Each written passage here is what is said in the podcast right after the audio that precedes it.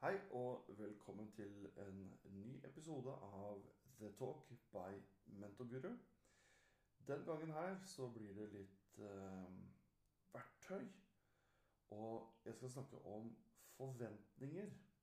Og det er noe av det vi opplever til stadighet som mentor og coach. Det er at eh, noen har forventninger som de enten forteller eller ikke, og så kommer man kanskje i etterkant av et eller annet eh, et møte eller et program og sier at eh, her var ikke forventningene oppklart eh, på forhånd, og her var ikke forventningene nådd. Jeg hadde et arrangement denne uka hvor jeg avslutta et mentorprogram. Og da har vi alltid en seanse hvor vi snakker med adeptene og får tilbakemeldinger. Og da erfaringer gjennom mentorprogrammet som da har vart i syv måneder, som er ett skoleår. Det jeg tenkte å snakke om i dag, var da noe som dukka opp der. Eh, og det var, som jeg sa, forventninger. Så hvis vi starter med å kikke på Wikipedia Forventninger er innen psykologi subjektiv forestilling om fremtiden. Før en forandring er det en forventning om forandringen. Således er de sterkeste forventningene hos et menneske et markert trekk i personligheten og kanskje viktigste nøkkel til personlig utvikling. Den forestillingen kan være positiv, altså håp, optimisme, men den kan også være negativ. Og da er det håpløshet og pessimisme, pessimisme som rår. Sykelig forventning oppfatter ønsketenkningen griskhet, overdreven lyst og besettelse, naivitet, falsk troskap eller fortrengninger. Mange konflikter og misforståelser kunne vært unngått hvis man hadde vært flinkere til å avklare forventningene på forhånd. Det var altså i denne her eh, samlingen, avslutningssamlingen som jeg hadde, en adept som fortalte at hennes mentors stilling eller jobb ikke sto til hennes forventninger om programmet. Hun ønsket å få vite mer om en spesifikk jobb innenfor den bransjen hun skal ut i etterpå, og nå følte hun at hun ikke hadde lært noe om det. Hun sa at hun hadde lært mye annet, så det var ikke det det sto på. Men hennes forventninger var ikke oppfylt. Da var det med en gang en annen adept som tok ordet og sa at hun hadde heller ikke fått en mentor eksakt innen det feltet hun ønsket. Men hun hadde sett en side innenfor bransjen som hun nesten ikke trodde fantes. Og nå var hun klarere på hva hun ville, og målene hennes var blitt forandra i løpet av de månedene hun hadde hatt en mentor. Altså to helt ulike fortellinger, selv om det er samme opplevelse. Det skal sies at vi har i starten av de her programmene en forventningsavklaring. Og begge to i min historie fikk fortalt at mentor ikke var akkurat som de ønsket. Vil de fortsette å være med? Og svaret var ja. Men som sagt, det var jo da syv måneder siden de hadde sagt det. Så hva tenker dere? Har dere opplevd noe lignende? Når dere har coacha, vært mentor, øh, holdt kurs Uansett, egentlig, har dere opplevd noe lignende, så send meg gjerne meldinger om det, for det er kjempefint å kunne ha med seinere. Det finnes en metode som blir kalt for elegant forventningsavklaring. Og den er utvikla av Svein Harald Røyne i et firma som driver med coaching. Mm som heter 'Alltid positiv'. Og der snakker han om fem steg i denne forventningsavklaringsprosessen. Det første steget da legger du til rette for at den andre parten vil dele sine synspunkter med deg. Du kan f.eks. åpne med å si For meg er det viktig at vi får et godt og tett samarbeid fremover. Det gleder jeg meg til, og jeg vil gjøre alt jeg kan for at vi får det til. På den måten har du definert rammene og forsøkt å legge til rette for tillit og en god dialog. I steg nummer to så spør du hva forventer du av meg i rollen som leder? Her skal du bare ta imot synspunkter og stille oppklarende spørsmål. Du kan bytte ut ordet 'leder', som jeg sa her nå, med 'coach', 'mentor', f.eks. Det mest elegante spørsmålet, som Svein Harald Røyne sier det, det er det tredje spørsmålet. Og da skal du si hva, for, hva tror du jeg forventer av deg? I stedet for å fortelle hva du forventer, så overlater du ordet til medarbeideren. Dette er veldig jobba opp mot eh, f.eks. Prosjekter. Først i steg fire så supplerer du med hva du forventer. Og sannsynligvis så har den andre parten allerede dekket det meste som du har på hjertet. Og til slutt så lager du en felles forventningsforpliktelse. Og fordelen med den metoden der er at det ikke er du som kommer med krav som du trer ned over hodet på andre. Det er den andre parten som kommer med de fleste forventningene. Og kanskje andre forventninger enn du selv har tenkt på. Dermed så får begge mer eierskap til de forventningene som er satt, og det gir en større forpliktelse til det man har blitt enige om.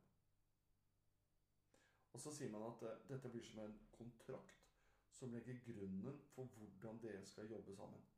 Ved å skrive ned det man kommer frem til, vil det også være lettere for begge parter å ta opp eventuelle samarbeidsproblemer som kan oppstå så er det dette her med forventninger og forventningsavklaring og viktigheten av det da, som, som dukker opp nesten overalt. Og det jeg tenkte å ta noe på nå, er jo mental helse, som, som det blir snakka mye om, og som vi ser etter pandemien og alt vi har vært igjennom, at mental helse har jo rett og slett eksplodert. Men eh, det finnes en forfatter som heter Christian Hall, som jeg leste et blogginnlegg av. Han har sjøl gått gjennom elleve år med dyp depresjon, både som tenåring og student. Og han har skrevet mye om dette her på siden til Mental Helse Norge. Og i forbindelse med mental helse og forventninger da, så snakker man nå om skuffelsen i forbindelse med forventninger. Og rådet var altså å ikke ha så høye forventninger. Han snakker videre, han Christian Hall, om hvor bør man legge forventningene sine for å unngå at de skaper skuffelse. Han sier at eh, det kommer an på hva forventningene gjelder. Det kan være lurt å ha relativt lave forventninger til andre mennesker. Men forventninger til deg selv bør ikke være for lave, for det kan føre til redusert selvtillit. Som regel bør man tilsikte å operere med det som kalles for realistiske forventninger. Og ved å få til det, så kan man bruke da tre spørsmål. Spørsmål 1. Hva er det laveste utfallet av det du forventer, som kan skje uten at du føler skuffelse? Spørsmål nummer to hva er det mest realistiske utfallet? Og spørsmål nummer tre hva håper du vil skje? Svaret på det første spørsmålet vil gi deg da bunnpunktet på intervallet av akseptable forventninger som du er i ferd med å tegne opp for deg selv. Og svaret på det tredje spørsmålet gir deg da toppunktet. Spørsmål nummer to er jo det vanskeligste som er å besvare. Og når du forsøker å gjøre det, er det viktig at du er så objektiv som mulig. Men spørsmål én og tre hjelper deg jo til å definere også det realistiske utkommet. Dette kan du jo gjøre flere ganger, og også når du har med andre mennesker å gjøre. Du kan justere forventningene du har til et spesielt menneske eller til en gruppe, ved å i flere runder stille de tre spørsmålene over. Og så kjenner du etter, og når skuffelsen oppstår Når det da skjer, da må du redusere forventningene dine, skriver Hall.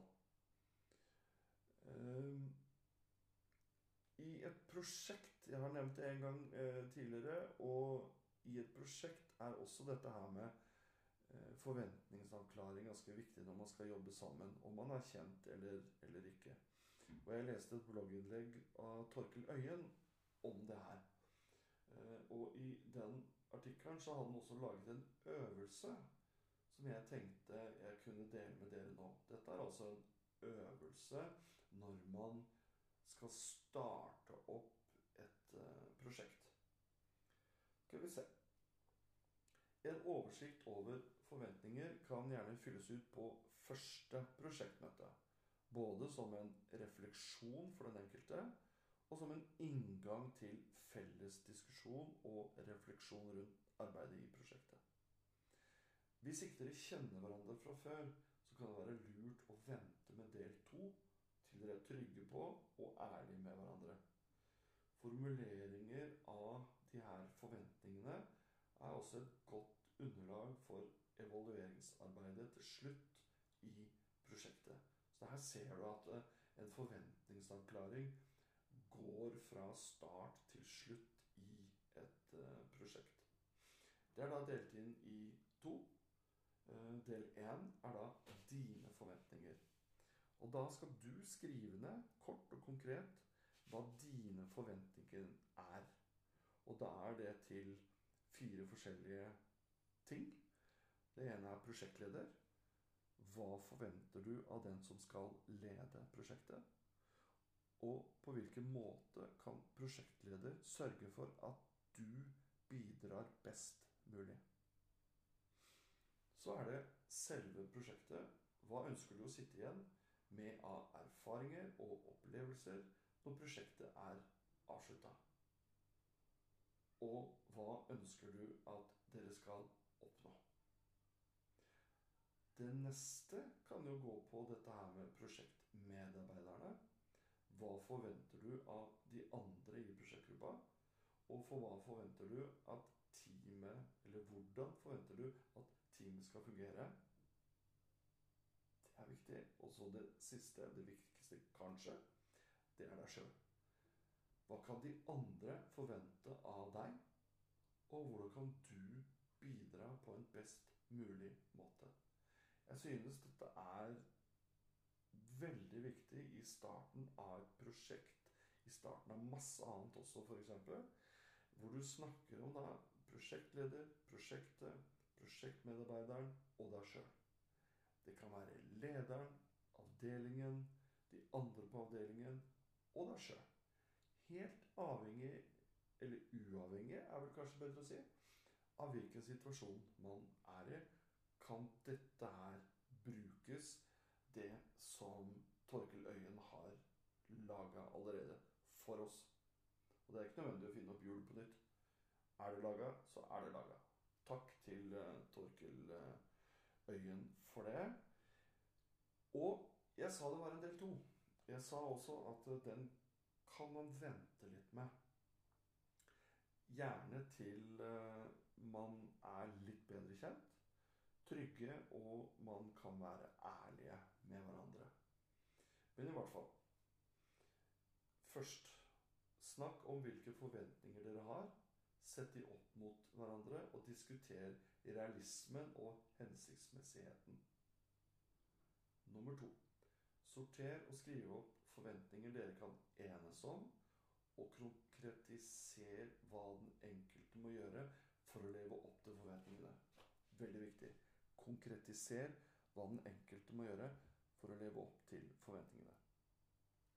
Så dokumenter konklusjonene deres, og legg dette på et sted som er tilgjengelig for alle. Da, så langt i episoden, så har vi da delt både litt generelt om forventninger og forventningsavklaringer. Litt innenfor mental helse, og litt innenfor det å drive et uh, prosjekt. Tillegg har vi gått gjennom en øvelse om forventninger og forventningsavklaring som dere kan bruke. Og så tenker jeg det at eh, vi er ganske tett på sommerferien. Og en sånn forventningsavklaring bør man ha til familieferien også. Tenk deg, da. Man er en familie, to voksne, to barn, som drar på, på ferie sammen. Alle fire har sine forventninger. Og hvis ikke du spør om hvilke forventninger de har, så kan du være helt sikker på at de kommer opp litt lenger uti, og gjerne midt i ferien, eller mot slutten.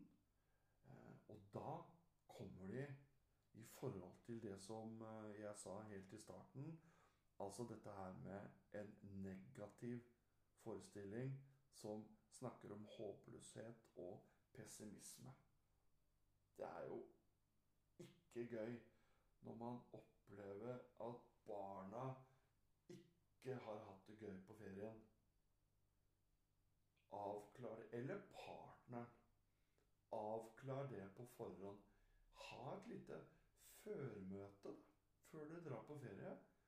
Sett fram litt god mat, litt uh, god drikke. Det kan være en uh, brus, det kan være en god sider. Uansett hva man tar fram.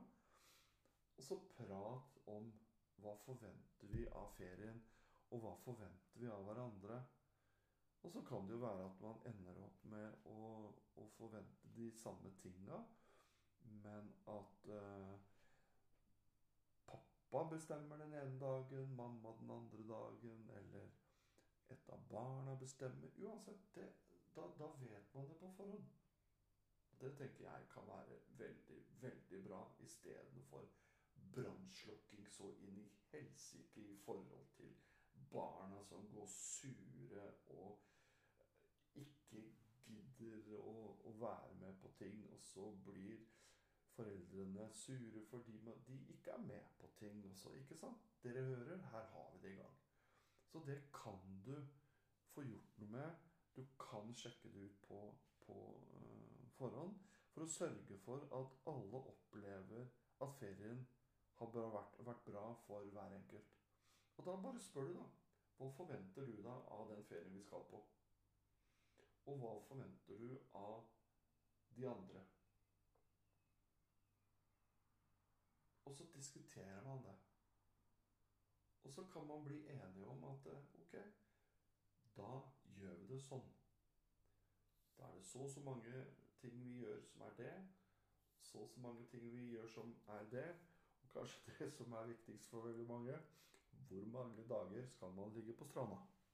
Og hvor mange dager kan man dra på utflukter? Hva skal man spise? Og så videre. Og så videre.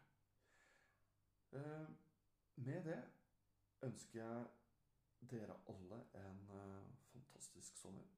Legg gjerne inn kommentarer om hva dere gjør før ferien, og hvordan det har gått. Eller kanskje dere kommenterer noen av de andre eksemplene som jeg har brukt i episoden. Det legger dere inn, og dere finner ut dette her på, på mentorguru.info. Og takk for at dere hørte på episoden. Som sagt, legg igjen kommentarer, legg igjen reviews, og ikke minst klikk følger om du ikke alt har gjort det. For podkasten lytter du til der du lytter til all annen podkast. Takk for meg.